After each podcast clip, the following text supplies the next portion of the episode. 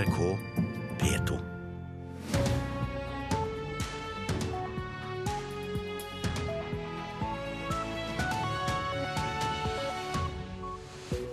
Velkommen til Nyhetsmorgen. Klokka er 6.30 i studio, Anne Gjertlund Hansen, og dette er hovedsakene våre. Tysk etterretning har i flere år spionert på den franske regjeringen og EU-kommisjonen i Brussel, ifølge tyske medier. Regjeringens forslag om flere søndagsåpne butikker mobiliserer på 1. mai. Flere butikkansatte går i tog for første gang i morgen. Det er en måte å vise på at dette syns vi ikke er greit. Og 100 norske artister skal hylle Raga Rockers på plate. Jeg tror aldri jeg har opplevd en så enkel jobb som å samle Musikk-Norge til å hylle en artist. Det sier primus motor Christer Falk. I Tyskland har etterretningen hjulpet USA med å spionere på den franske regjeringen og EU. Det skriver flere tyske medier i dag. Det er den tyske utenlandsetterretningen BND som skal ha overvåket franske toppolitikere og EU-kommisjonen på vegne av den amerikanske etterretningsorganisasjonen NSA.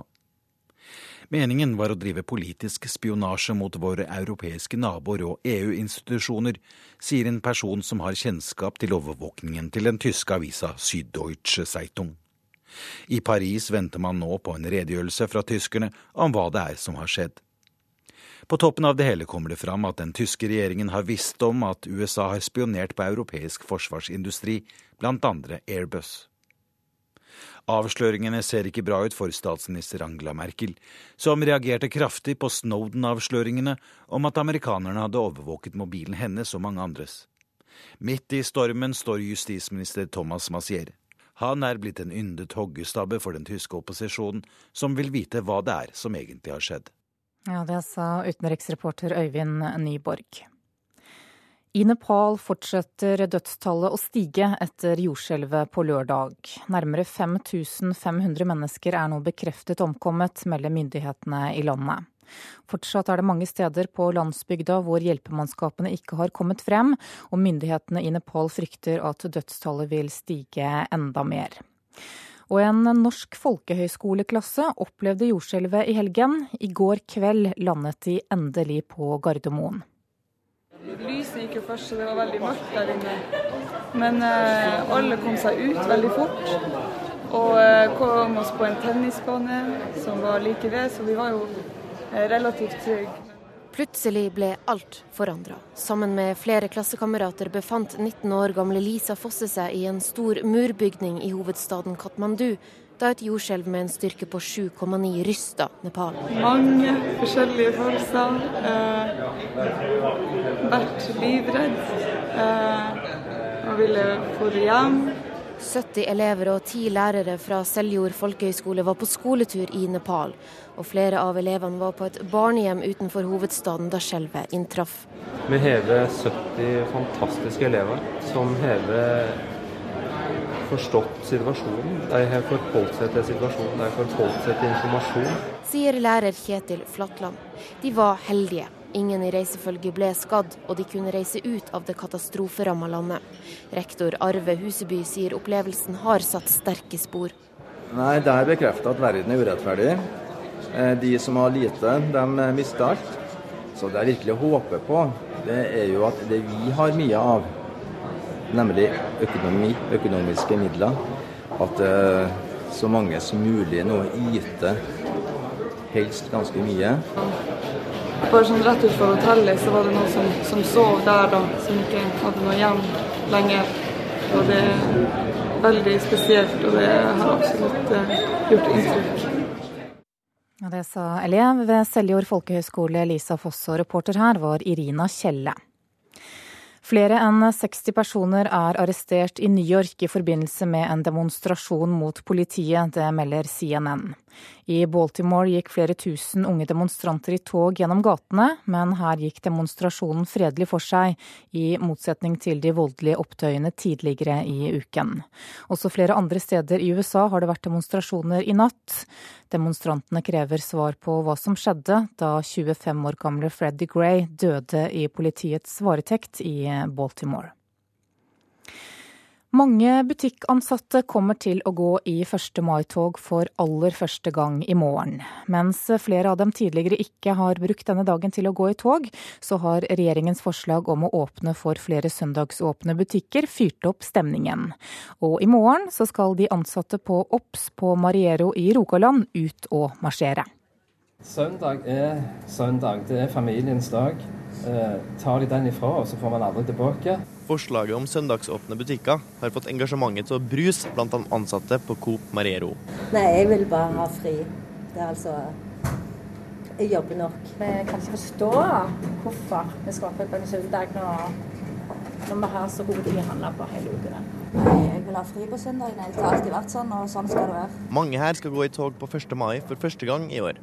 Hovedtillitsvalgt Gunvor Osnes Heggen tror engasjementet kommer av at de ansatte nå ønsker å si ifra. Ja, for jeg tror at før så har det gjerne vært litt sånn at folk eh, Det er jo ganske mange som er organisert hos oss, men de tenker det er noen andre som går, og det er noen andre som Ja, det, det angår ikke helt oss, toget, da. Men, men faktisk nå ser de at det, eh, er en måte å vise på at dette syns vi ikke er greit. Leder i LO Stavanger og omegn, Rolf Bersås, ønsker at flere skal markere 1. mai. I dag er det jo mange, mange kamper, kan han si. Og vi har arbeidsmiljøloven.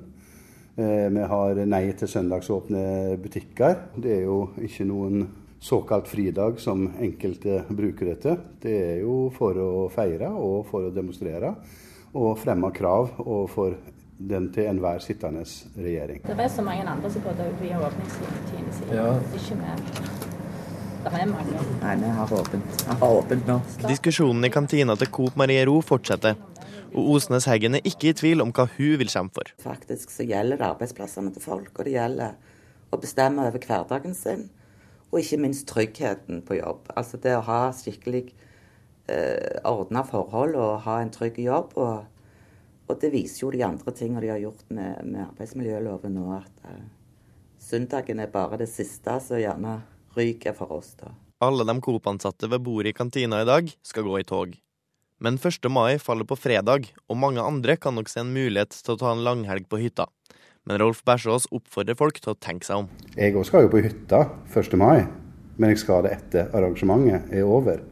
Og det er det jo fullt mulig for alle folk å gjøre. Det er viktig at eh, folk eh, tenker seg om, de som har jobb, de som ikke har jobb, de som er i fare for å miste jobben. At de tar med familien og unger og feirer den dagen. De som går på første gang, vet i hvert fall hvorfor de skal markere dagen. Det er mer å gå i tog hvis du har en sak som du brenner for å gå i tog for. Hvis ikke det har vært en sak som jeg har brent for, så har jeg jo ikke heller gått i tog. Men nå skal jeg gå i tog. Nei, for det er jo det søndagsåpne butikker. Derfor går jeg. Ja, reporter her, det var Sebastian Winum eh, Storvik. Historiker Einar Terjesen ved Arbeiderbevegelsens arkiv og bibliotek, god morgen. morgen. Du, hvis vi går litt eh, tilbake i tid, hva var de første 1. mai-parolene? Ja. Altså, det, er, det, er, sjelden at, en, at, det finnes en tradisjon som har en så presis uh, begynnelse som 1. mai-feiringen. For ble, På et internasjonalt arbeidermøte i 1889 ble det bestemt at man på, over hele verden i 1890 skulle demonstrere for åttetimersdagen. Og Den demonstrasjonen ble en såpass stor suksess at man har gjentatt demonstrasjonene hvert år uh, siden. Hva slags saker er det som har preget 1. Uh, mai-parolene gjennom tidene? da? Ja. Var jo den klassiske internasjonale parolen uh, 1. mai. og den og det, I 1890-årene eh, så var det først og fremst den parolen som, eh, som ble fremmet. Og I sin skal vi si da, sosialdemokratiske form da, så heter parolen åtte timers arbeid, åtte timers hvile, åtte timers fritid. Og Dermed så fikk man også inn en tredeling, treenigheten om man vil. og eh, på den måten så tror jeg at den parolen ble en veldig suksessrik parole. I Norge det, var det hovedparolen helt fram til 1919, eh, da eh, jo eh, åttetimersdagen ble lovfestet i Norge. Hvilke andre paroler har skapt mest engasjement i årenes løp? Ja, fram mot første verdenskrig, og også under krigen, så var det var antimilitaristiske paroler ganske vanlig. Paroler som 'til kamp mot rustningskapitalen', 'til kamp mot militarismens humbug', var gjengangere i disse årene. Og etter hvert som når, når, krigen utviklet seg og det ble økonomisk krise i, i Norge, så kom også øh, med sosiale krav inn i bildet, spesielt dyrtidskrav, krav mot, som gikk mot, mot prisstigningen. Går det an å si noe om hvilke paroler som har vakt mest oppsikt? Ja, Det er jo litt uh, vanskelig å si, kanskje. Men uh, for meg da, så er kanskje den sånn sett den mest interessante parolen da, det er 1. mai-parolen fra 1948 som i motsetning til tidligere, hvor 1. mai-feiringen, eller markeringen da, var ment å samle hele arbeiderbevegelsen, så gikk eh, Arbeiderpartiet og eh, flertallet i fagbevegelsen inn for å splitte ut kommunistene. Det var jo på det tidspunktet at motsetningene mellom Arbeiderpartiet og og kommunistene kom, ble, igjen ble, kom i høysetet. Og da vedtok man på 1. mai-toget en parole som het 'For fred, frihet og folkestyre mot diktatur, ensretting og folkedemokrati', som jo spilte, spilte på de nye landene i Øst-Europa, som de visste at NKP ikke kunne godta. Og, og, og følgelig også da gikk ut av toget. Går det an å si litt om uh, hva slags oppslutning det er her i landet i, i sammenlignet med andre land?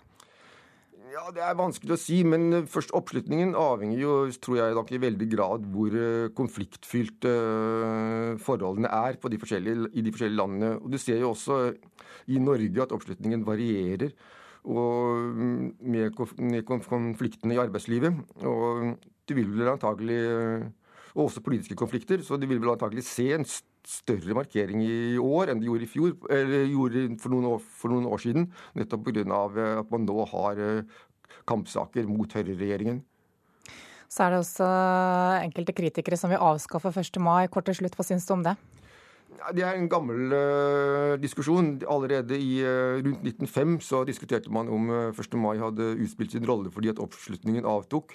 Og 1. mai ble jo kanskje mer suksessrik enn noen gang etter den tiden. Så, så lenge det er motsetninger i verden, så lenge det er motsetninger mellom arbeid og kapital, så lenge det er urettferdighet i verden, så tror jeg at 1. mai-feiringen vil fortsette å eksistere. Takk skal du ha, historiker Einar Terjesen. Da skal vi se hva avisene har på forsidene sine i dag.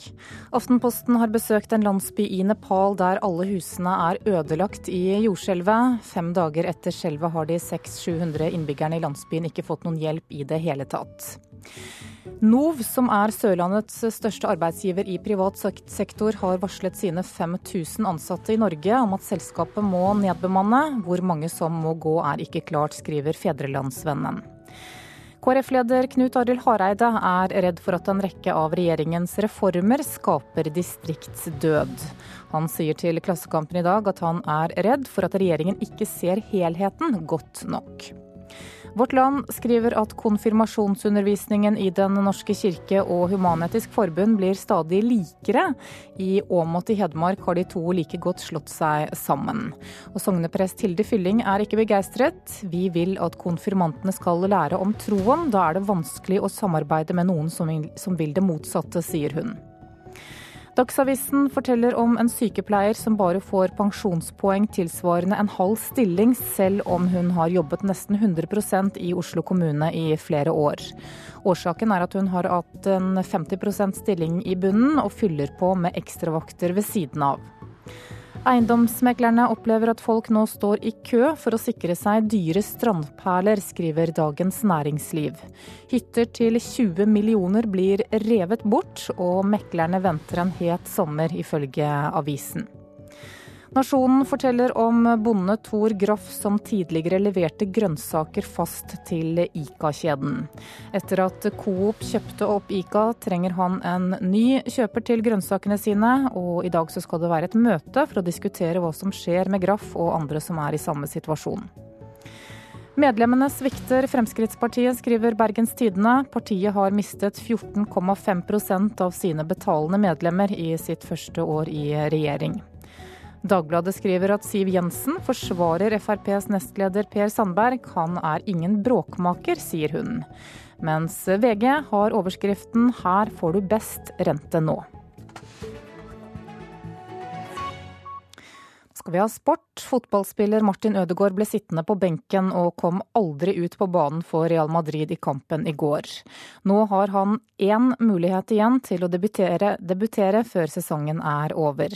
Det tror Petter Wæland, som er ekspert for TV-kanalen Seymour og som følger spansk fotball. Eh, i de neste påfølgende kampene nå, så, så, tror jeg ikke det finnes noe som helst muligheter for at han er i troppen en gang. Verken mot eh, Sevilla eller Valencia i de to neste seriekampene, eller mot Juventus i Champions League. Der, der skal vi bare roe oss helt ned og ikke ha noe som helst forventninger. Derimot kan Ødegaard-tilhengere håpe på at Real Madrid kommer til siste serierunde hjemme på Santiago Bernabeu uten noe å spille om, sier Veland. Altså at uh, Real Madrid enten er klink nummer én eller klink nummer to på tabellen. At de ikke har noe som helst for dem å si hvordan det går. Da finnes det en mulighet for at uh, B-lagsspillere, som f.eks. Martin Ødegaard, kan få sjansen. Også Real Madrids assistenttrener Paul Clement gir den unge nordmannen håp om nye muligheter.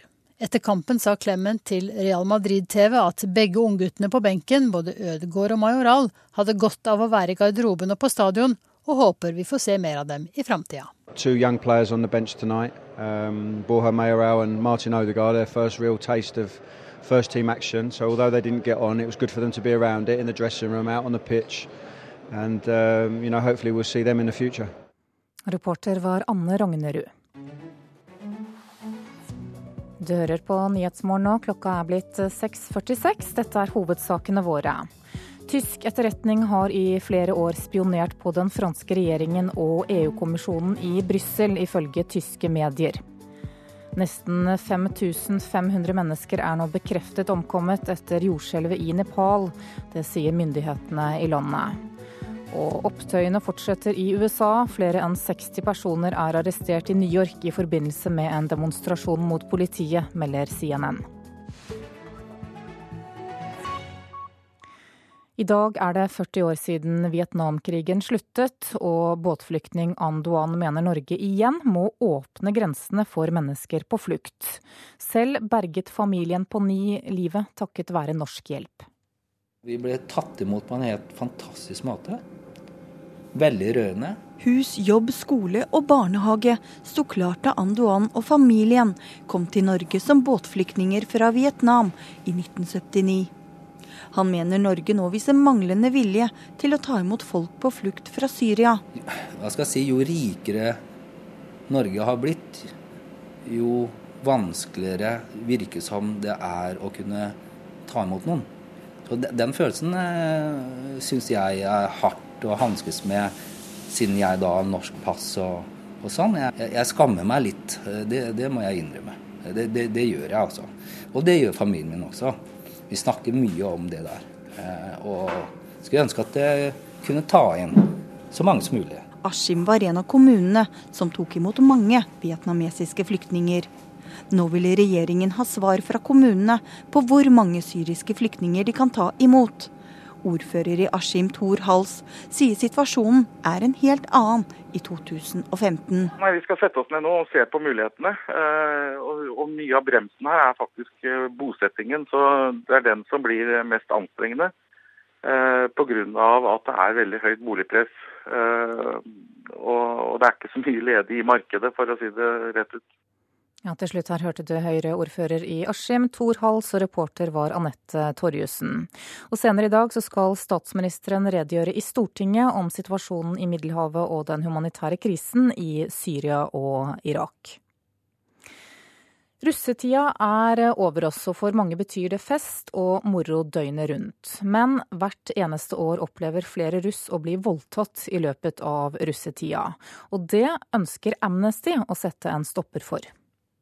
Passe på hverandre. Til å liksom gå sammen hele tida og alltid ha en av oss i nærheten. Og alltid ha på telefon og sånne ting. Ja, det er viktig å liksom kan få tak i folk, sånn at ikke plutselig alle er borte. Også.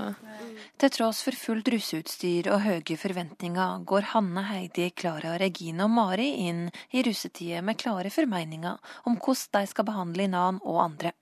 De fem rødkledde jentuden som er elever av Ringsaker videregående skole i Brumunddal, er nemlig svært klar over hvor slags faro som kan vente i russetida.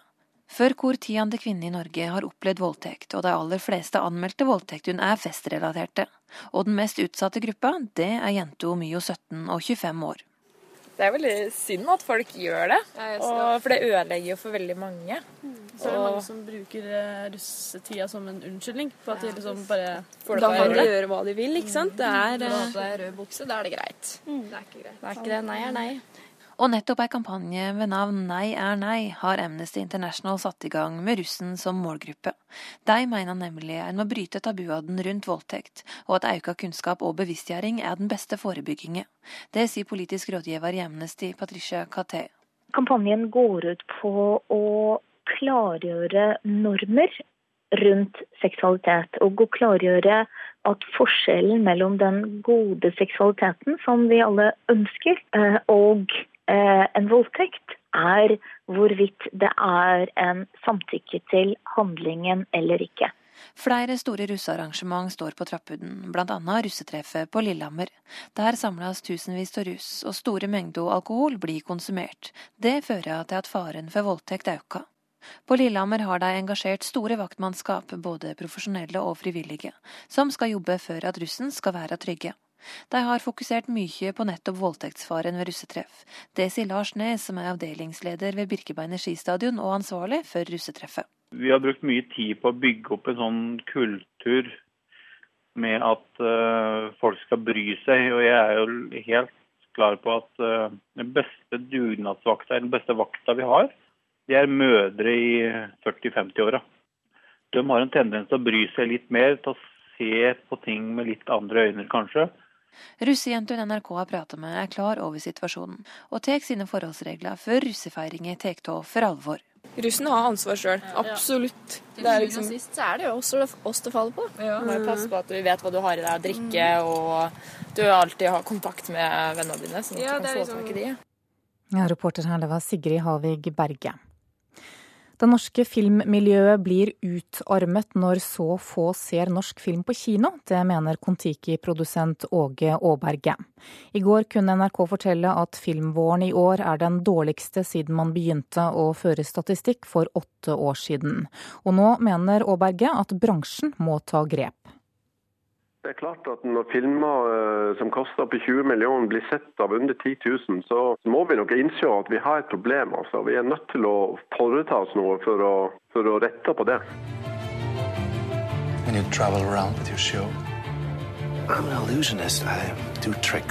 Dirk Ohm, 'Illusjonisten som forsvant', er en av filmene som har gått dårlig den kinovåren.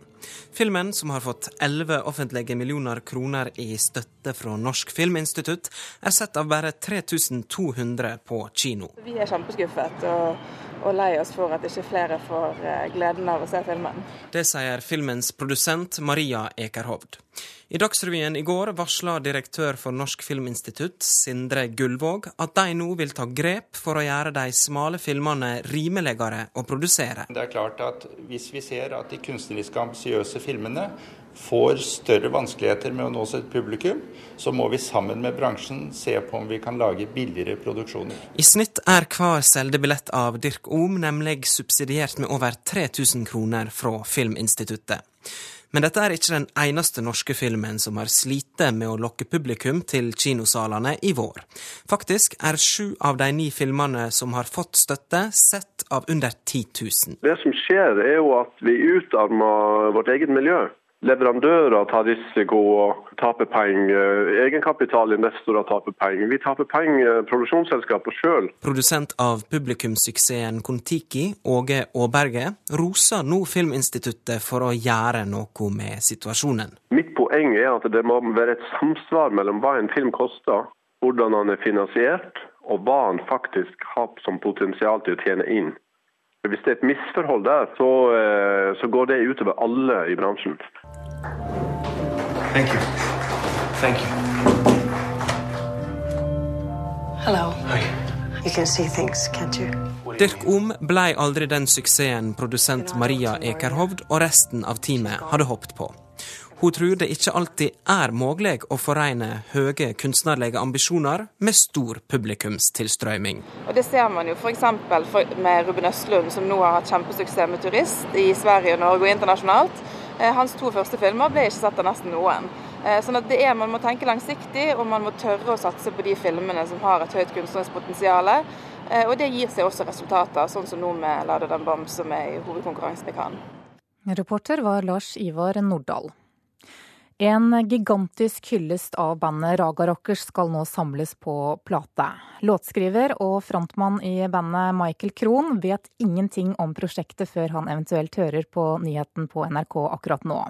100 norske artister skal spille inn sine versjoner av sine favoritt-Raga Rockers-låter, deriblant DumDum Boys Jan Eggum, Jo Nesbø, Prins Thomas og norsk hiphops gudfar Tommy Tee. Det er en båt uten anker, en hode fullt av tanker og et hjerte som banker for ting som hun tror på. Jeg må vel ta tak i det pianoet også. Og så må vi fram med noen trommer her. Der, ja. Altså Selv om jeg kommer fra en helt annen tradisjon musikalsk, så har jeg selvfølgelig enorm respekt for Michael Krohn som person, som eh, tekstskriver og selvfølgelig også som, som, artist. Så dette her er jo noe vi må være med på, og er en stor ære for oss. Alle har jo et forhold til Michael, alle kjenner Michael. Jeg tror aldri jeg har opplevd en så enkel jobb som å samle Musikk-Norge til å hylle en artist. Det er plateselskapeier og programleder Christer Falk som er primus motor bak gigantprosjektet som skal ha plateomslag laga av kunstneren Push Wagner. Oslo-bandet De Lillos er blant dem som allerede har levert sitt bidrag. Jeg kan godt uh, finne det fram her, så får du i hvert fall høre det med litt dårlig Mac-lyd.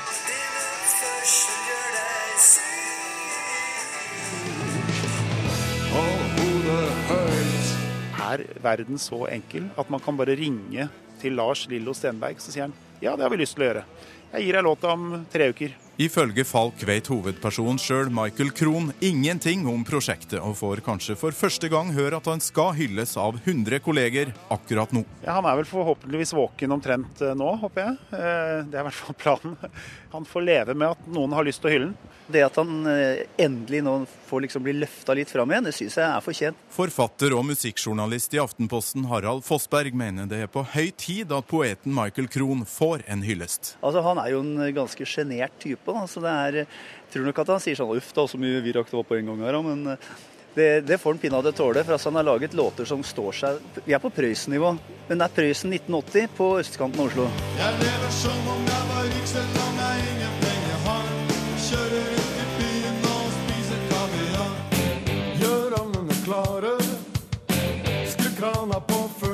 Dette er Hemingway-lyrikk. ikke sant? Det er ikke, det er ikke mye overflødige ord. Det virker dumt, men det er jævla smart.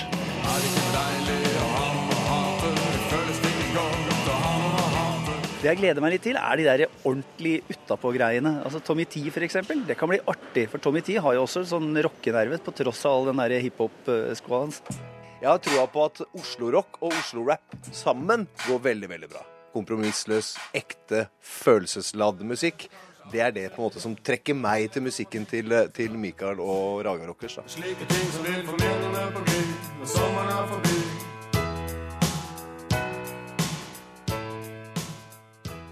Ja, reporter her, det var Torkil Torsvik. Da skal vi se på et eh, værvarsel som gjelder til midnatt.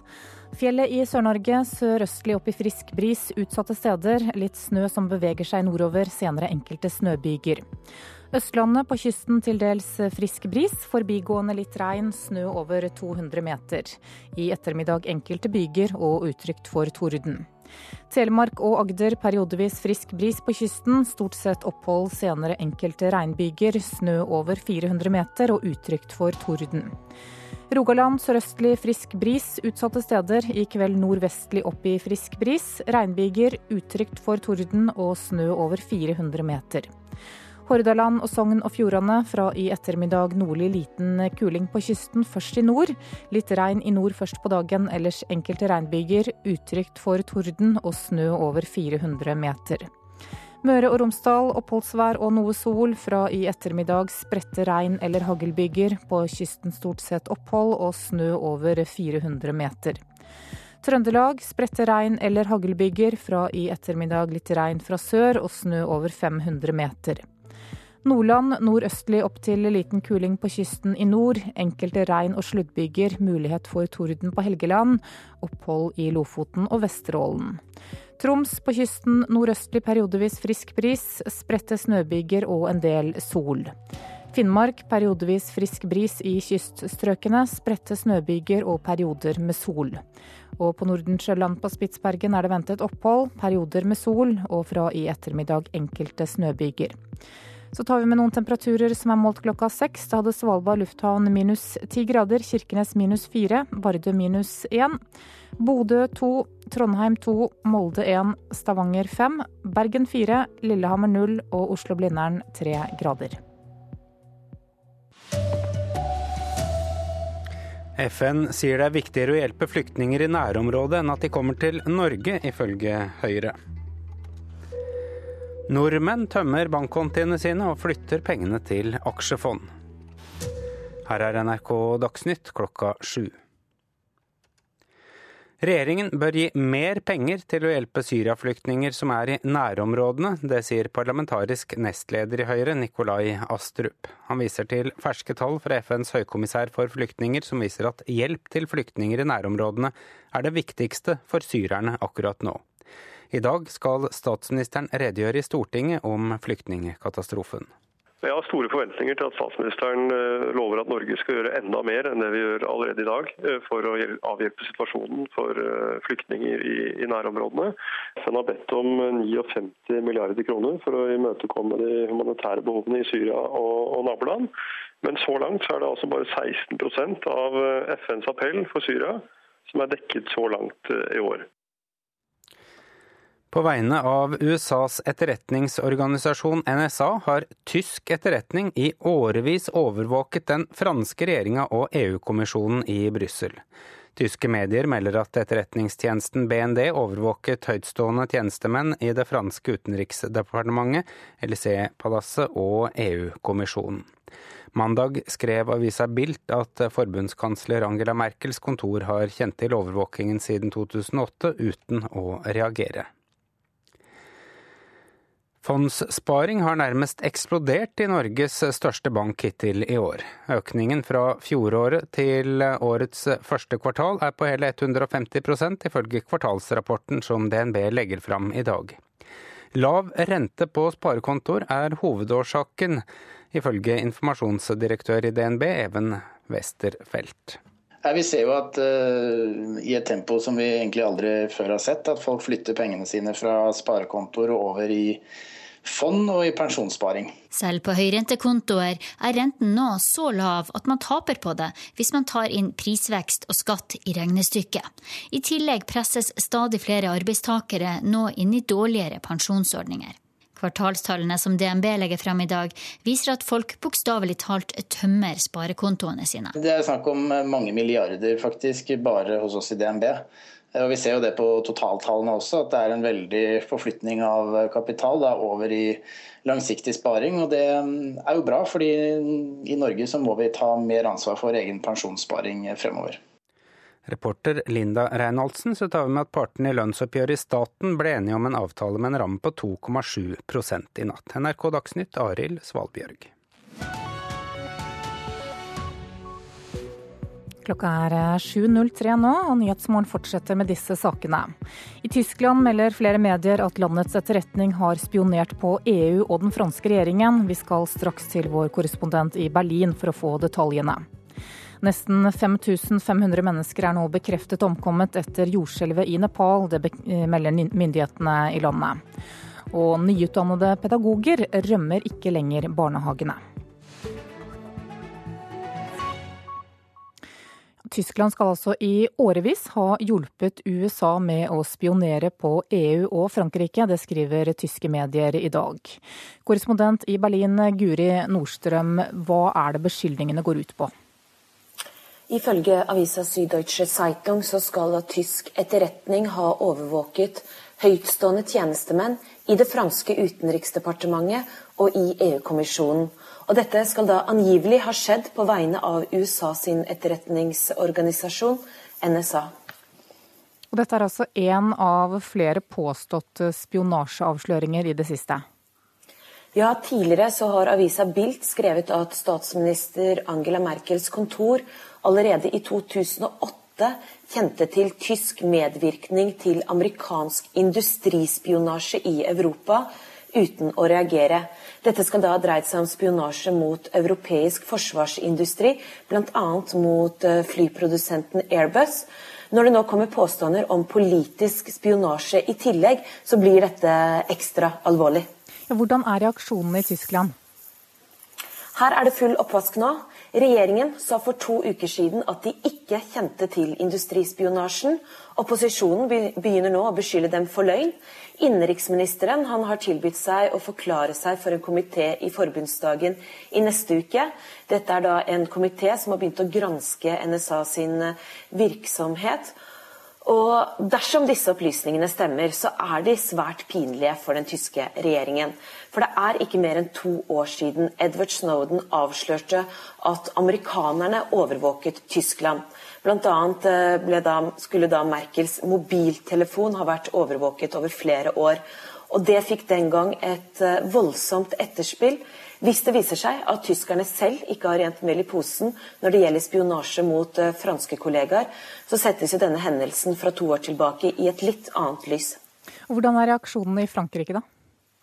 Det eneste de har sagt så langt, er at de avventer en redegjørelse fra tyskerne om hva som har skjedd. Det får de da trolig i eh, neste uke, i hvert fall, når innenriksministeren skal forklare seg. Hva slags inntrykk gir dette her på den jevne tysker?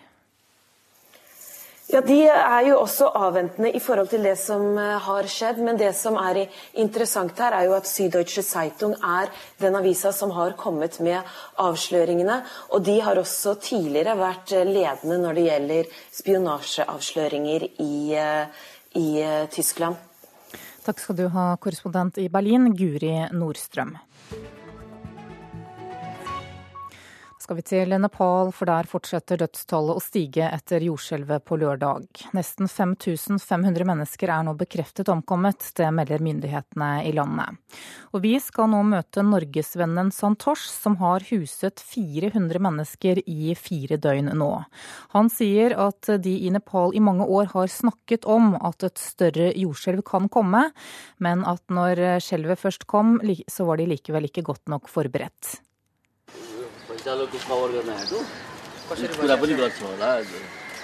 Santosh Sharma småprater med de siste menneskene som har søkt tilflukt på plassen utenfor Nepal Music Center. Dette er en familie fra utenfor Katmandu. Om en liten stund skal de pakke seg ut fra under plastpresenningen hvor de hviler, og forsøke å finne transport tilbake til hjemlandsbyen. Uh, I'm, I mean, one hour, and sometimes even uh, in, uh, in half an hour. And the intensity was so big, and, uh, and people were just you know scared. Det har vært veldig traumatisk, sier Santos. Etterskjelv hver time, noen ganger ett i halvtimen. Natten etter skjelvet kom folk fra hele nabolaget, mellom 350 og 400 personer. Vi hadde åpne områder og overbygde korridorer rundt en gårdsplass hvor det var lett å løpe ut hvis etterskjelvene virket truende. Naboene følte seg utrygge hjemme i sine egne hus og kom til oss, sier Santos. Because uh, we had the shelter and they, they thought the music school very safe to stay. Mm. And we had a you know, open space uh, and they sleeping all around the you know, courtyard. People are scared to uh, you know, uh, stay inside the building. Santosh har i mange år samarbeidet med norsk kulturliv. Nepal Music Center fikk han bygget med støtte fra Rikskonsertene i Norge. I fire døgn huset han naboer og tilreisende i det lave bygget i rød murstein. En av dem var Sarita Sarestra. We thought that uh, it was going to be like a stop after like a few seconds, but it just continues.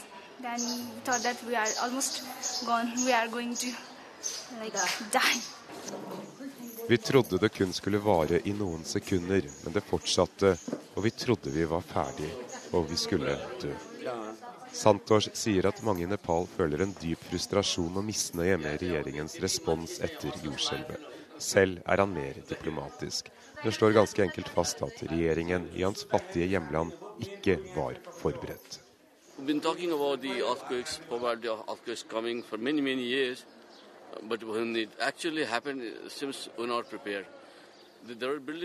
Vi har snakket om at det kunne komme et større skjelv i mange år, men når det faktisk skjer, så er vi ikke forberedt. Folk i regjeringen er også mennesker, og de er òg sjokkert. De har forsøkt å gjøre sitt beste, men det mangler utstyr. Til og med noe så enkelt som munnbind og hansker til soldatene som skulle rydde og ta ut døde fra ruinene, sier Santosh. Reporter i Nepal, det er Philip Lota. I år 2000 forsvant rundt halvparten av pedagogene ut av barnehagen to år etter at de var ferdige med utdanningen. I dag så blir over 80% værende i jobben. Det viser en fersk rapport fra Norsk institutt for forskning om oppvekst, velferd og aldring. Ved Høgskolen i Oslo og Akershus studerer de som skal bli fremtidens barnehagelærere. Rundt 40 andreårsstudenter har gruppeundervisning. Hvis trenden fortsetter, kommer 32 av de her til å jobbe i barnehage to år etter at de er ferdig utdanna. Hanne B. Mælum er en av dem. Drømmejobben min er eh, å jobbe altså, i en barnehage. Eh, gjerne ta litt mer etterutdanning innenfor f.eks. ledelse eller spesialpedagogikk. Ser du deg sjøl jobbende i en barnehage om 10-20 år? Ja. Barnehagelæreryrket har fått betydelig høyere status, akkurat som populariteten og statusen til barnehager som sådan har økt. Det sier forsker Lars Gulbrandsen om hvorfor pedagogene i dag har blitt en mer stabil yrkesgruppe. I tillegg trekker han frem.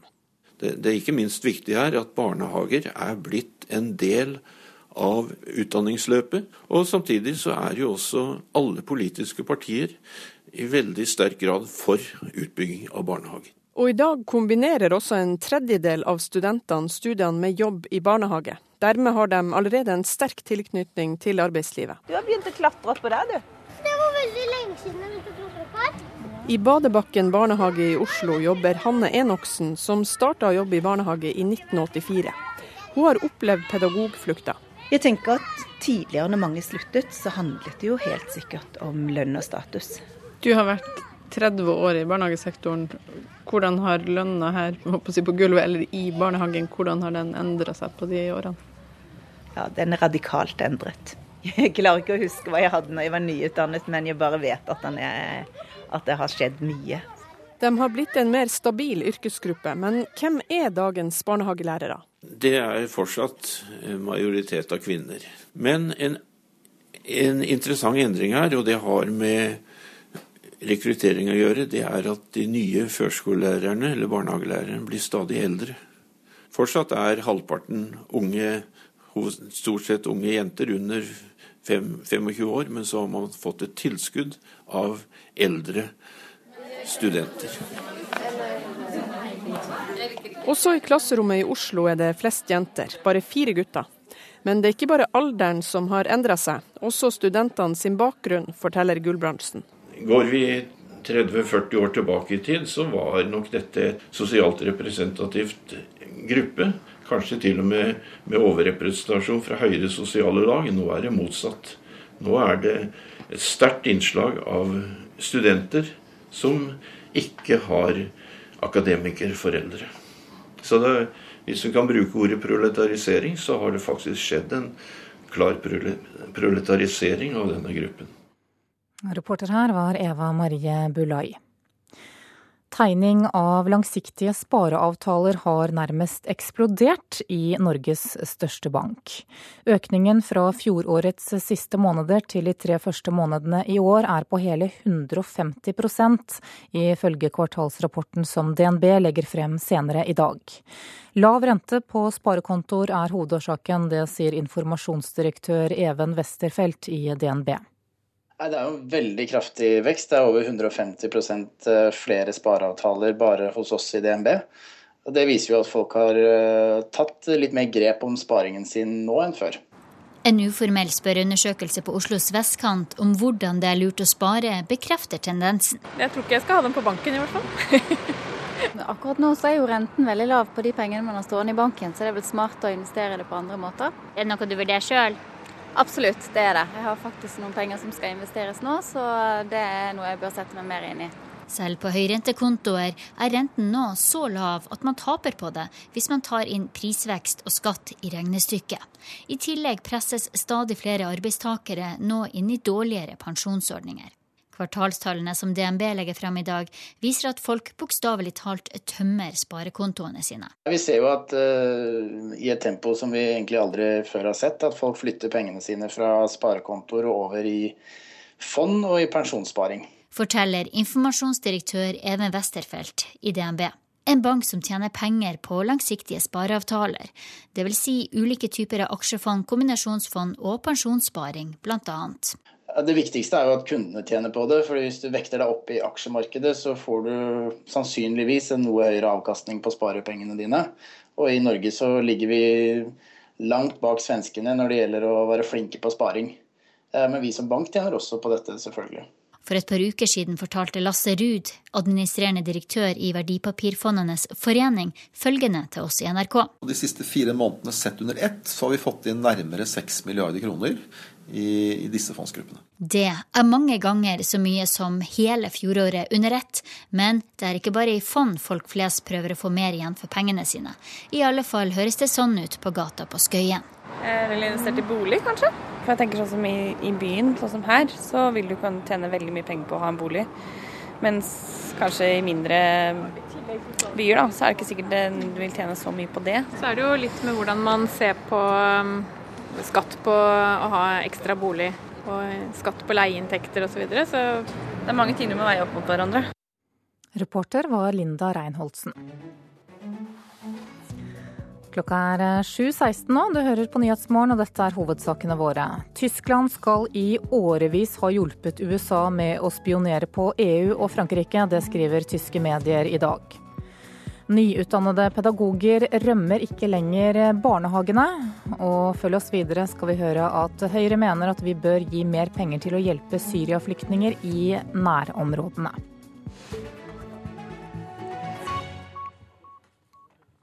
Men aller først skal det handle om eh, Statoil, som har lagt fram eh, kvartalstallene sine i dag, reporter Halvard Norum. Eh, ja, og det er jo et, som ventet et ganske svakt resultat historisk sett. Sammenlignet med første kvartal i fjor f.eks., så er overskuddet halvert. Det justerte driftsresultatet, som er på en måte det som er si, deres overskudd før skatt, og hvis du ser bort fra hva man har solgt og kjøpt av felt og sånn, så er det på 23 milliarder kroner. og det er da eh, omtrent halvparten. altså Det var 46 milliarder kroner i første kvartal i fjor. Og etter skatt så er overskuddet redusert fra knapt 16 milliarder kroner første kvartal i fjor til 7 milliarder eh, første kvartal i år. Du, hva er det som gjør at resultatet er såpass svakt? Nei, For et oljeselskap så har jo dette mye sammenheng med fallet i oljeprisen. Altså I sommer, eller i fjor sommer så kostet jo et fat olje over 100 dollar fatet. og nå ligger det på rundt 65 dollar fatet etter å ha vært nede i under 50. Eh, så det har klart mye å si. Eh, og Samtidig så har også selskapet de sliter jo med høye kostnader på en del områder, og det gjør at man da skviser eh, profitten. Takk skal du ha, økonomireporter Halvard Norum. Regjeringen bør gi mer penger til å hjelpe Syria-flyktninger i nærområdene. Det sier parlamentarisk nestleder i Høyre Nikolai Astrup. Han viser til ferske tall fra FNs høykommissær for flyktninger, som viser at hjelp til flyktninger i nærområdene er det viktigste for syrerne akkurat nå.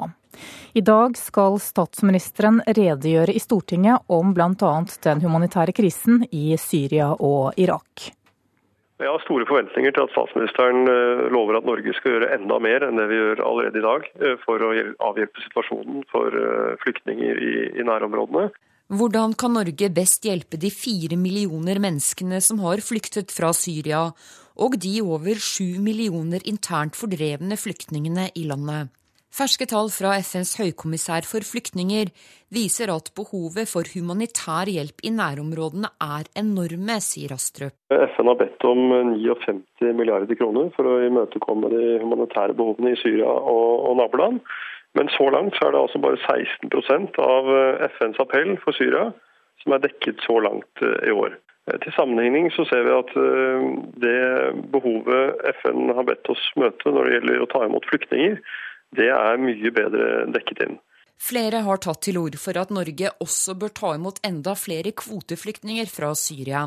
Deriblant Arbeiderpartiets leder Jonas Gahr Støre. Norge bør åpne for å ta imot til sammen 10 000 syriske flyktninger. 5000 i år og 5000 Norge er en stor aktør, stor hjelper inn i den krisen som er i Syria og Irak sa statsminister Erna Solberg i forrige uke, og i dag skal hun redegjøre i Stortinget for hvordan vi best kan bidra i nødens stund i Syria. Det største behovet er nå uh, på den humanitære siden i nærområdene, der befolkningen mangler absolutt alt. Syns du det kunne vært aktuelt både å ta imot enda flere kvoteflyktninger og samtidig øke bistand til flyktningene i nærområdet? Vel, Det er behov for å gjøre begge deler, men det vi ser er at eh, det er eh, et enda større behov for å gjøre mer i nærområdene enn det er for å ta imot flere flyktninger. Reporter her, det var Line Tomter. Seniorrådgiver Pål Nesse i Flyktninghjelpen, eh, god morgen. God morgen. Hvilke forventninger har du til statsministerens redegjørelse i dag? Jeg håper vi får se en foroverlent statsminister i disse humanitære krisetider. Vi har en situasjon vi ikke har sett på en generasjon snart. Så nå trenger vi ekstraordinære tiltak og en offensiv regjering. Så hører vi her at det blir tatt til orde for at det viktigste nå er å hjelpe flyktningene i nærområdene. Hva syns du om det? Det syns jeg er helt riktig, og nå håper vi at regjeringen i revidert nasjonalbudsjett legger en ekstra milliard på bordet for Syria og nærområdene. Det er sånn nå at det er så mange flere som er avhengig av nødhjelp, at bistanden per hode går drastisk nedover uke for uke. Men Er du enig i at det er viktigst å hjelpe til i nærområdene? Ja, men vi kan ikke gjøre det alene. Det er nemlig sånn at det er noen vi ikke kan kjøpe beskyttelse til i nærområdene. Som vi rett og slett ikke finner beskyttelse til der. Og det er derfor Høykommissæren for flyktninger også ber oss om å ta flere til Europa. Og det er der vi syns Norge bør kunne strekke seg lenger og ta 10 000. Ja, for det har vært mye fokus på dette tallet 10 000, og at Norge bør ta imot eh, såpass. Eh, I hvor stor grad har vi blitt opphengt i akkurat dette tallet? Det er et minstemål. Det er fordi krisen er så stor som den er. Og som jeg sa, det er veldig mange vi ikke klarer å beskytte i nærområdene. Du har statsløse palestinere som har flyktet gang på gang på gang, som nå ingen vil ta imot. Det er dem vi skal hjelpe til å ta hit. Og I tillegg til krisen i Syria, så har jo også båtflyktningene i Middelhavet vært sentralt i nyhetsbildet de siste ukene. og Det kommer også til å bli tema eh, for statsministeren i Stortinget i dag. Hva, hva syns du om den debatten vi har sett? Jeg syns det er veldig bra at Norge nå er på ballen, at vi sender et skip. Det som er viktig, er at vi samtidig sender et signal om at dette skipet må operere nær Libyas kyst. Det er det en åpning for i dette EU-mandatet, men det skal ikke være unntaket, men regelen. Det er der de fleste drukner, og det er der dette skipet må operere. Det er også det som norske skipsmannskaper bekrefter. Få det så nær Libya som mulig. Det er jo sånn at Alle etterlyser mer hjelp, alle etterlyser mer internasjonalt ansvar.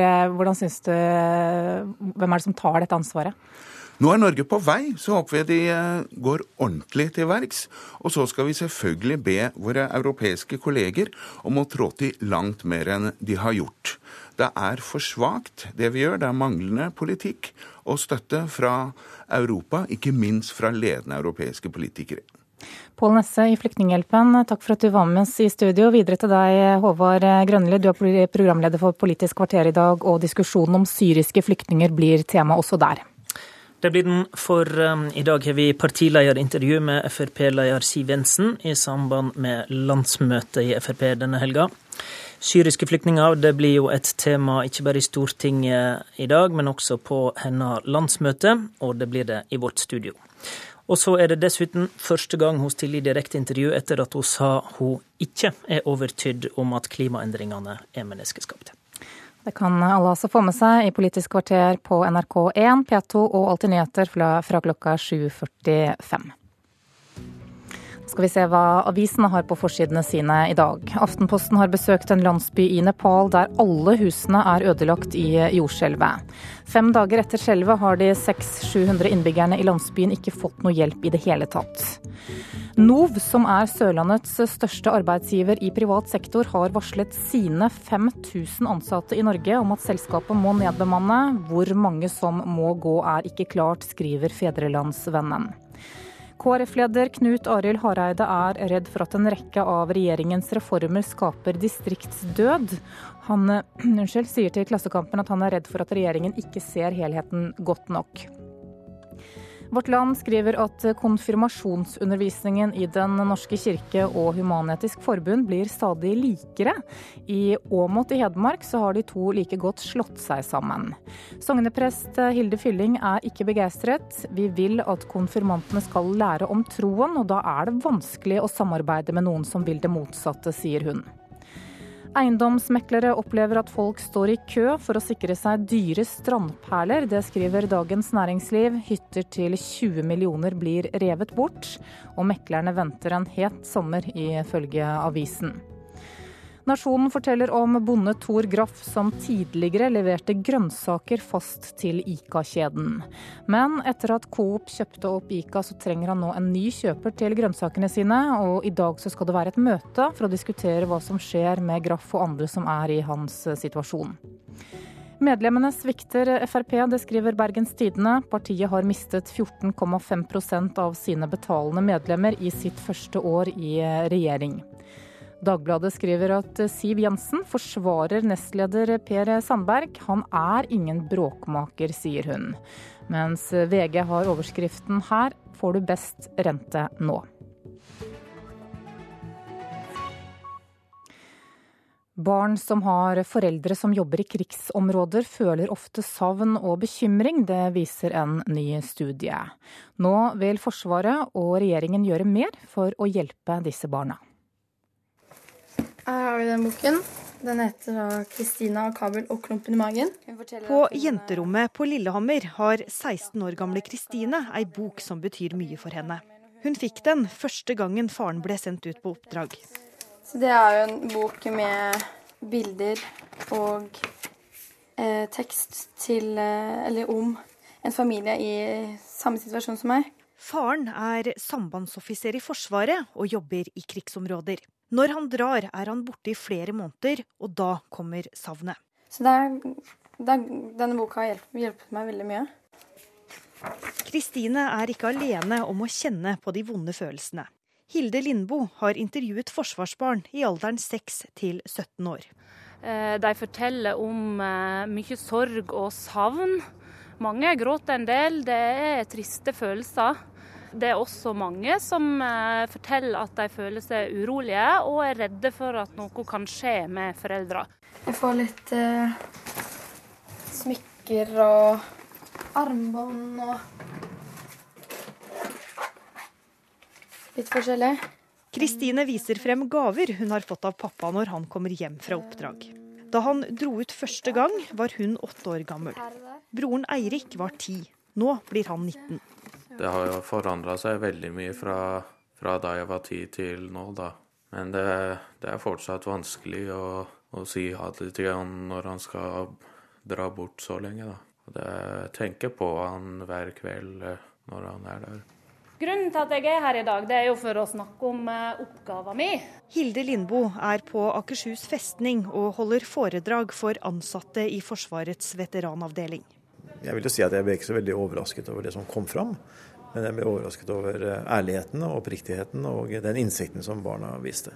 Det sier Tom Georg Guttormsen.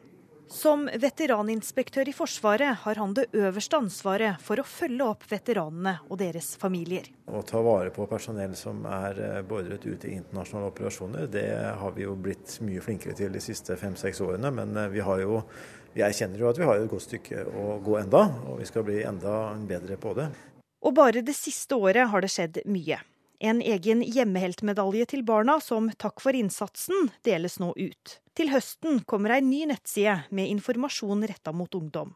Og regjeringen vil ha mer forskning på hvordan barn påvirkes av at foreldrene deltar i internasjonale oppdrag. På telefonen har Eirik en video han har fått av faren, som viser noe av det han driver med når han er ute.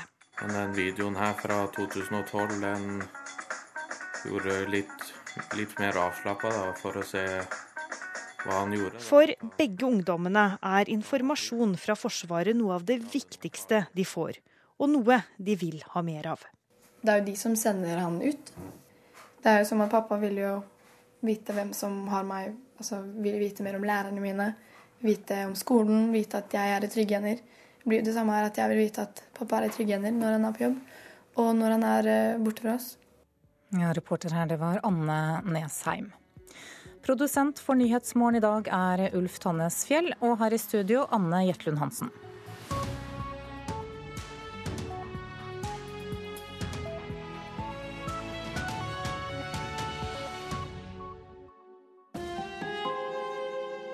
Hør ekko. Hvordan er det å alltid være på jakt etter mel? Eller kanskje måtte levere fra seg bikkja fordi den kan gjøre nytte i krigen? Og så støte på en plakat som sier at nå må du jammen levere inn guttungens gummistøvler også. Hør ekko om husmødrenes hverdag under krigen. Ekko 9 11 i NRK P2. Tysk etterretning skal ha hjulpet USA med å spionere på Frankrike og EU. De fleste barnehagelærerstudenter blir barnehagelærere. Det ble de ikke før. Og 100 norske artister hyller Raga Rockers på plate. Her er NRK Dagsnytt klokka 7.30. Tyskland skal i årevis ha hjulpet USA med å spionere på EU og Frankrike. Det skriver tyske medier. Korrespondent i Berlin, Guri Nordstrøm. Hva er det beskyldningene går ut på? Ifølge avisa Süddeutsche Zeitung så skal tysk etterretning ha overvåket høytstående tjenestemenn i det franske utenriksdepartementet og i EU-kommisjonen. Og dette skal da angivelig ha skjedd på vegne av USA sin etterretningsorganisasjon, NSA. Eh, det har vært flere påståtte spionavsløringer i det siste? Ja, Tidligere så har avisa Bilt skrevet at statsminister Angela Merkels kontor allerede i 2008 kjente til tysk medvirkning til amerikansk industrispionasje i Europa, uten at de reagerte. Dette skal da ha dreid seg om spionasje mot europeisk forsvarsindustri, bl.a. mot eh, flyprodusenten Airbus. Når det nå kommer påstander om eh, politisk spionasje i tillegg, så blir dette her ekstra alvorlig. Hva sier tyske myndigheter om eh, disse påstandene? Her er det full eh, oppvask nå. Regjeringen sa for to uker siden at de ikke kjente til industrispionasjen. Opposisjonen begynner nå å beskylde dem for løgn. Innenriksministeren her har tilbudt seg å forklare seg for en komité i forbundsdagen i neste uke. Og dersom disse opplysningene stemmer, så er de svært pinlige for den tyske regjeringen. For det er ikke mer enn to år siden Edward Snowden avslørte at amerikanerne overvåket Tyskland, bl.a. ved at Angela Merkels mobiltelefon skulle ha vært overvåket i flere år. Den gang så fikk det et voldsomt etterspill, og hvis det nå viser seg at tyskerne selv ikke har rent mel i posen når det gjelder spionasje mot franske kollegaer, så settes jo denne hendelsen fra to år tilbake i et litt annet lys. Takk skal du ha, korrespondent Guri Nordstrøm. I Nepal fortsetter dødstallene å stige etter jordskjelvet lørdag. Nær 5500 mennesker er nå bekreftet omkommet, det melder myndighetene i landet. Fortsatt er det mange steder på landsbygda hvor hjelpemannskapene ikke har kommet fram, og myndighetene i Nepal frykter at dødstallene vil stige kraftig. Og I mange år har vi snakket om at et større jordskjelv kan komme, men når det skjer er vi ikke forberedt. Det sier Santosh Sharma, kjent i Nepals kulturliv og norgesvenn. I dagene etter jordskjelvet huste han opptil 400 mennesker rammet av skjelvet. Philip Lote har sendt oss denne reportasjen fra Nepal.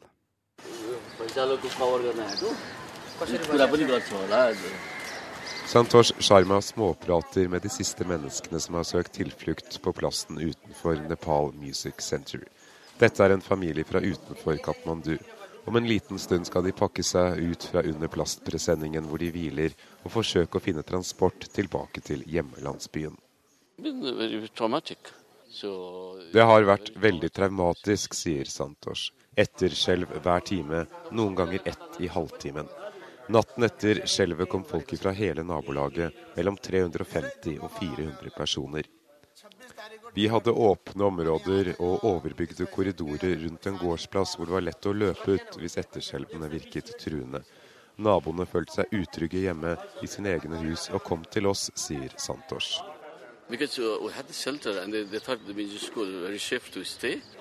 Santos har i mange år samarbeidet med norsk kulturliv. Nepal Music Center fikk han bygget med støtte fra Rikskonsertene i Norge. I fire døgn huset han naboer og tilreisende i det lave bygget i rød murstein. En av dem var Sarita Sareshtra. Vi trodde det kun skulle vare i noen sekunder, men det fortsatte, og vi trodde vi var ferdig, og vi skulle dø. Santosh sier at mange i Nepal føler en dyp frustrasjon og misnøye med regjeringens respons etter jordskjelvet. Selv er han mer diplomatisk, men slår ganske enkelt fast at regjeringen i hans fattige hjemland ikke var forberedt. Folk i regjeringen er også mennesker, og de er òg sjokkert. De har forsøkt å gjøre sitt beste, men det mangler utstyr. Til og med noe så enkelt som munnbind og hansker til soldatene som skulle rydde og ta ut døde fra ruinene, sier Santosh. Fallet i oljeprisen rammer Statoil hardt. I første kvartal i år hadde selskapet et eh, driftsoverskudd før skatt på 22,9 milliarder kroner. Det er bare halvparten av hva det var i fjor. Dersom man tar med tap på investeringer og andre poster, hadde Statoil et underskudd på 35,4 milliarder kroner. På 15 år har pedagoger i barnehagen blitt en svært stabil arbeidsgruppe. I år 2000 sluttet halvparten av barnehagelærerne kort tid etter at de var ferdigutdannet. I dag er 80% i jobben to år etter endt utdanning. Du har begynt å klatre på der, du. Det var veldig lenge siden jeg begynte å klatre på. I Badebakken barnehage i Oslo jobber Hanne Enoksen, som begynte sitt liv i barnehagen i 1984. Hun har opplevd pedagogflukta. Jeg tenker at Tidligere når mange sluttet, så handlet det jo helt sikkert om lønn og status. Nå er det over 80% av de som utdanner seg, som finner seg en jobb i barnehagen. Det sier forsker Lars Gulbrandsen, som står bak rapporten fra NOVA. Men hvorfor denne positive endringa? For det første så har den store barnehageutbyggingen medført at det å være barnehagelærer har fått større status. Det, det er ikke minst viktig her at barnehager er blitt en del av utdanningsløpet. Og samtidig så er jo også alle politiske partier i veldig sterk grad for utbygging av barnehager. At det snakkes mer om eh, små barn, eh, og viktigheten av at små barn har et godt barnehagetilbud. Det tror jeg er veldig viktig. Fondssparing har nærmest eksplodert i Norges største bank hittil i år. Aldri har DNB opplevd at så mange vil tømme sparekontoene, ifølge kvartalsrapporten som legges fram i dag. Lav rente på sparekontoer er hovedårsaken. En uformell spørreundersøkelse på Oslos vestkant bekrefter tendensen. Jeg tror ikke jeg skal ha dem på banken, i hvert fall. Akkurat nå så er jo renten veldig lav på de pengene man har stående i banken, så det er vel smart å investere det på andre måter. Er det noe du vurderer sjøl? Absolutt, det er det. Jeg har faktisk noen penger som skal investeres nå, så det er noe jeg bør sette meg mer inn i. Selv på høyrentekontoer er renten nå så lav at man taper på det hvis man tar inn prisvekst og skatt i regnestykket. I tillegg presses stadig flere arbeidstakere nå inn i dårligere pensjonsordninger.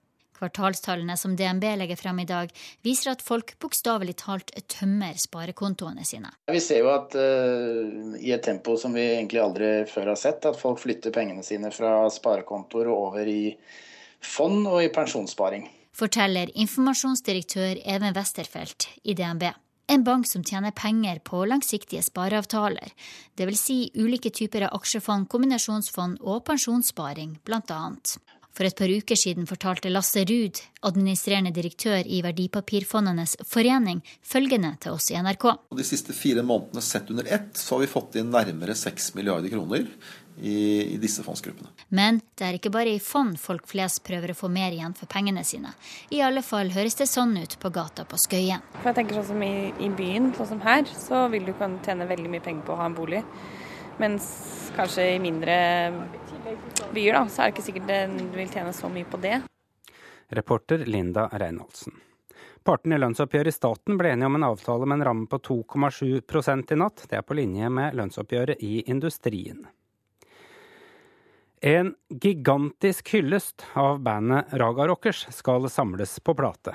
100 norske artister skal spille inn coverversjoner av sine favoritt-Raga Rockers-låter, deriblant norsk hiphops gudfar Tommy T. Så må vi fram med noen trommer her. Der, ja.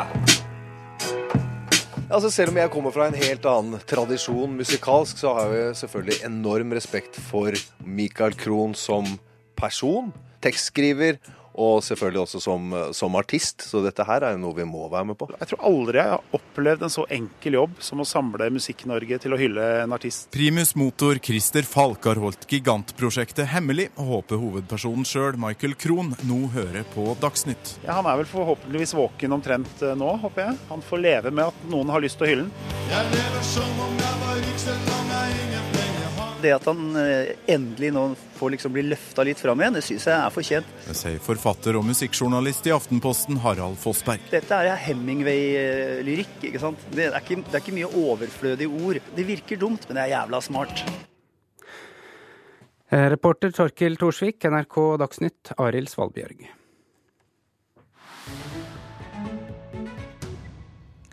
Klokka er 7.40 og Nyhetsmorgen fortsetter. I India har den 45 år gamle Irom Sharmila sultestreiket i 15 år i protest mot de militæres maktovergrep. I alle disse årene er hun blitt tvangsfòret på et sykehus der hun er blitt holdt i forvaring. Nå risikerer hun å dø fordi indiske myndigheter vil avkriminalisere selvmord, og da blir sonden koblet fra. Never, I never jeg har aldri forsøkt å ta mitt eget liv, sier Irom Sharmila. Snarere tvert imot, sier hun. For hun elsker livet som menneske med den respekt og den verdighet det kan leves. I love life as a human being. Likevel er spørsmålet om selvmord helt sentralt. Irom kommer fra delstaten Manipur, en av Indias minste delstater, bortgjemt øst for Bangladesh på grensen til Myanmar, 2500 km øst for Delhi. Denne delen av India er urolig med opprørsbevegelser, separatistbevegelser og væpnede protestbevegelser. Akkurat som i Kashmir har de militære fått utvidede fullmakter av de folkevalgte. De har altså fått tillatelse gjennom noe som heter AFSPA, en forkortelse for Armed Forces Special Powers Act, til å skyte for å drepe kun på mistanke, uten å risikere straffeforfølgelse dersom det viser seg at de har gått over streken. For streken er altså fjernet, og de militære har fått en license to kill. Slik som skjedde i et busskur i Manipur for 15 år siden, da ti mennesker som ventet på bussen, ble drept av et militærkompani fra Assam. November 2nd, the year 2000, 10 people waiting for a bus under this shed were shot dead by the troops of the Assam Rifles. Det var dette overgrepet, ett blant flere, men dette skulle endre den da 30 år gamle Irom Sharmilas liv. Hun sluttet å spise, men ble arrestert, da selvmord er illegalt. I 15 år har myndighetene passet på henne i en slags celle på sykehuset i hovedstaden i Manipur, Impal. Hun blir tvangsmatet med en sonde gjennom nesen, men utover det skjer det ingenting. Soldatene er fremdeles beskyttet av den immunitet AFSPA-loven gir dem. Så Irom har hele tiden fortsatt sultestreiken. Hun tror på det hun kjemper for, og hun vil ikke gi seg. Very big goals. Very big goals, yes. Mm, for the betterment of our society. Men nå kan hun stå ved en korsvei. Det skal nemlig bli lov å ta livet av seg i India. Snart vil det derfor være slutt på tvangsfòringen, så sultestreiken vil kunne få fatale følger når sonden blir frakoblet. Men ett uventet problem har oppstått. Slekt og venner som støtter hennes kamp, tar henne for gitt. De vil ikke at hun skal avslutte sultestreiken. Hun har kjempet for dem, slik at de slipper. Til det indiske tidsskriftet The Week sier Irom at de heller vil ha henne som martyr enn å ha henne i live. Hennes poeng er at det er de brutale lovene som må fjernes, det er de det dreier seg om. Hvis hun må ofre livet for saken, så er det verdt det, sier hun. If my my, my death will be a cause for the betterment of our society. It, it, it is a wonderful Men hvis hun dør, og lovene består, Da har hennes kamp vært forgjeves. Men slekt og venner har i alle fall fått sin martyr. Og det var utenriksmedarbeider Joar Hoel Larsen som hadde laget denne reportasjen. Nå er klokka blitt 7.44. Dette er hovedsaker i Nyhetsmorgen. Tyskland skal i flere år ha hjulpet USA med å spionere på EU og Frankrike. Det skriver tyske medier. Nesten 5500 mennesker er nå bekreftet omkommet etter jordskjelvet i Nepal. Det forteller myndighetene i landet. Og nyutdannede pedagoger rømmer ikke lenger barnehagene. Klokka nærmer seg 7.45, og du skal få Politisk kvarter. Programleder i dag, det er Håvard Grønli.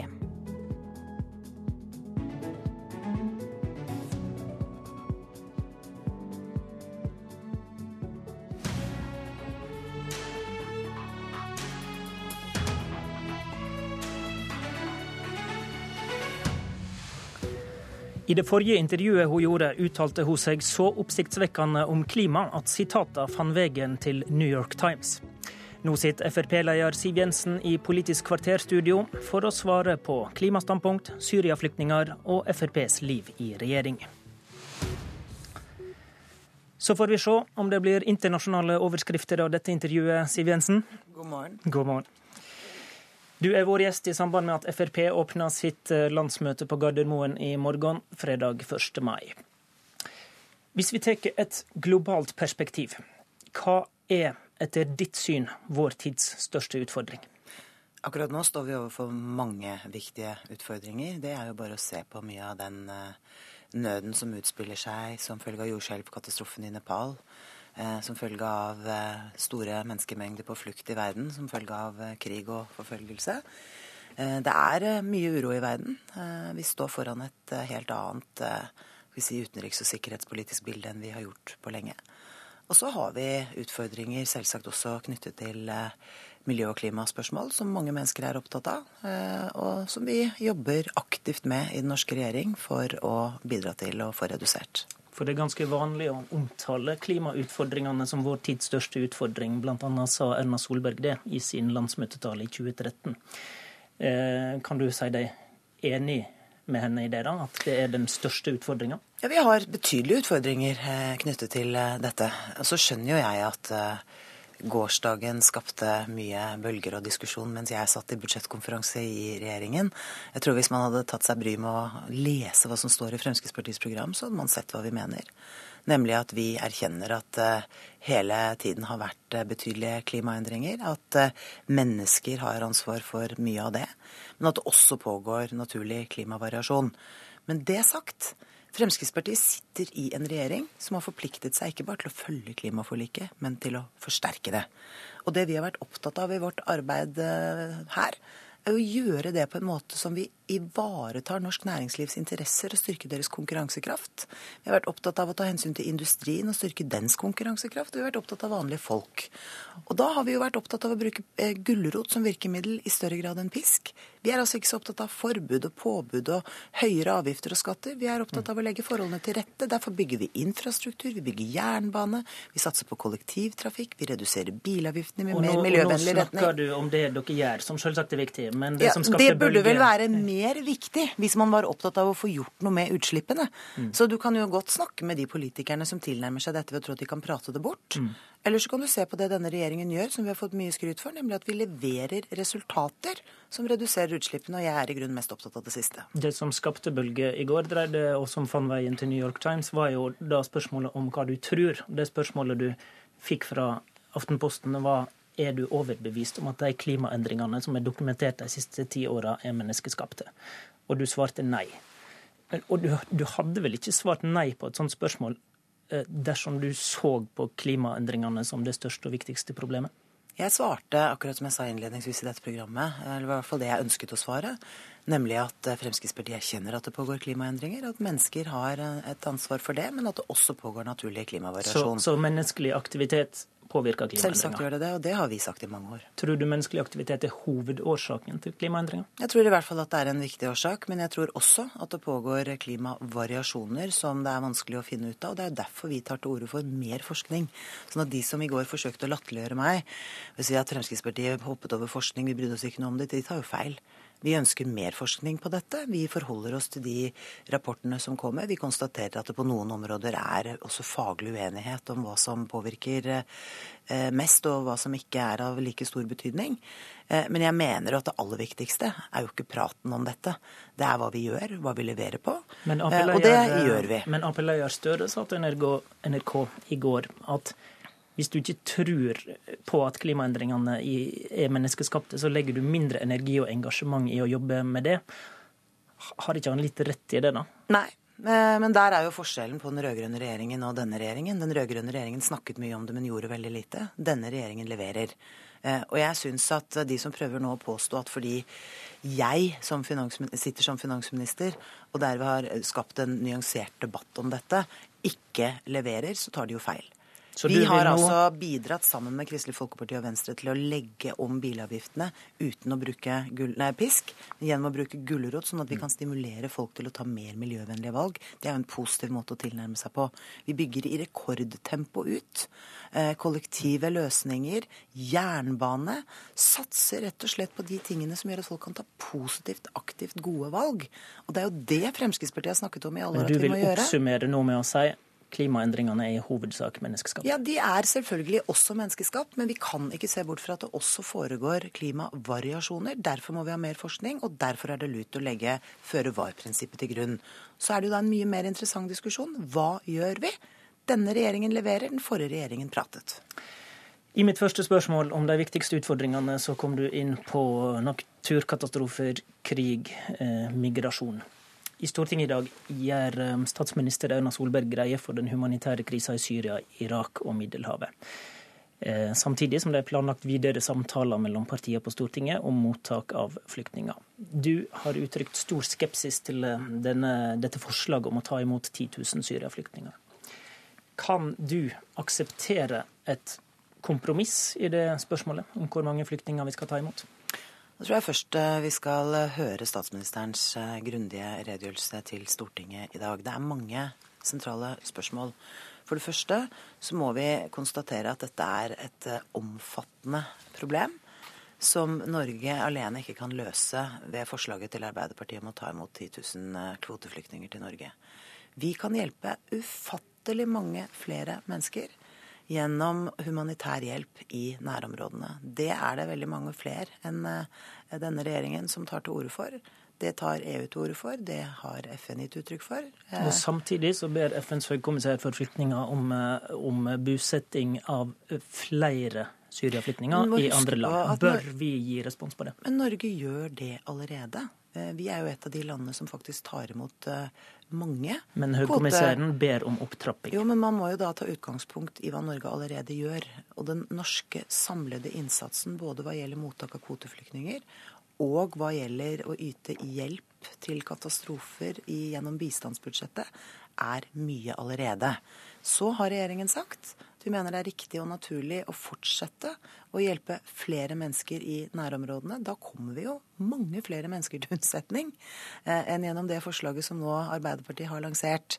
Og så er det jo en, en, en side ved det som Arbeiderpartiet helst ikke vil snakke om. Nemlig at det allerede sitter 5000 mennesker i norske flyktningmottak som ikke kommunene har evnet å bosette. Er det noen som tror at det blir lettere for kommunene hvis det skal komme 10 000 kvoteflyktninger på toppen av det. Det sier seg selv eh, at infrastrukturen ikke er i stand til å håndtere dette. Eh, og at det vil bli mange ganger så dyrt eh, å hjelpe en liten gruppe mennesker i Norge som ved å bruke anstendige beløp på å hjelpe mange ute. Og dette vil mange av dine landsmøtedelegater være opptatt eh, av i helga. Det, det er resolusjonsforslag på gang om dette. Eh, hvis du får et vedtak i ditt landsmøte som sier nei til eh, å ta imot flere Syria-flyktninger, kan du da i det hele tatt diskutere i Stortinget å gå med på å ta imot flere? Nå tror jeg at engasjementet i Fremskrittspartiets landsmøte først og fremst kommer til å handle om det vi er vitne til. Vi ser at mennesker har det vanskelig. Vi ser at mennesker eh, risikerer livet og drukner på veien eh, over Middelhavet. Og at vi selvsagt må yte vår, vår del for å hjelpe i nærområdene. Sånn at her er det jo flere diskusjoner samtidig. Hvordan kan Norge hjelpe på best mulig måte? Eh, samtidig som det ikke nødvendigvis er noe godt svar på dette, å øke mottaket av kvoteflyktninger til Norge. Så får vi se. Jeg er eh, interessert og lytter til hva Fremskrittspartiets landsmøte sier om dette, og en lang rekke andre spørsmål på vårt landsmøte denne helgen. Hva gjør du som finansminister da, hvis Stortinget eh, tvinger gjennom et vedtak om å ta imot flere flyktninger, som jo etter ditt resonnement er veldig dyrt? Men programleder, nå forskutterer du veldig mange ting. Eh, nå skal statsministeren i dag holde sin redegjørelse, og så får eh, partiene respondere på det. Det som så langt er klart, er at regjeringen har uttrykt vilje til å hjelpe mer eh, gjennom humanitær hjelp i nærområdene. Det mener jeg er helt rimelig at vi gjør. Eh, og så vet vi at norske kommuner uttrykker skepsis eh, til Arbeiderpartiets forslag, rett og slett fordi de ikke har kapasitet til å ta imot flere kvoteflyktninger. I fjor var Frp-landsmøtet prega av at dere var stolte, og at delegatene var fortsatt tålmodige, fordi de nok forsto at det tar tid å skape resultat i regjering. Hvordan tror du eh, landsmøtedelegatene kommer til å stille seg til regjeringsprosjektet i år? Jeg tror det er gjennomgående bred støtte til Fremskrittspartiets regjeringsdeltakelse. Og det handler jo først og fremst om én ting, nemlig vår evne til å få gjennomslag for politikk vi har slåss for i veldig, veldig mange år. Eh, det er jo selvfølgelig alltid eh, si, mer behagelig å sitte i opposisjon, fordi du kan si hva du mener, men du trenger ikke å ta ansvar for å gjennomføre det. Nå sitter partiet i regjering for første gang i partiets historie, og vi får til utrolig mye. Vi har tatt bort arveavgiften. Vi har altså satt et rekordtempo på samferdselspolitikken som man ikke har sett på årevis. Vi har fått på plass et infrastrukturfond, det kommer nå et nytt veiselskap. Men i tillegg til de tingene dere har fått gjennomslag for, så har det jo vært et år prega av mye støy mellom dere og eh, samarbeidspartiene. Og målingene er ikke veldig hyggelige om dagen.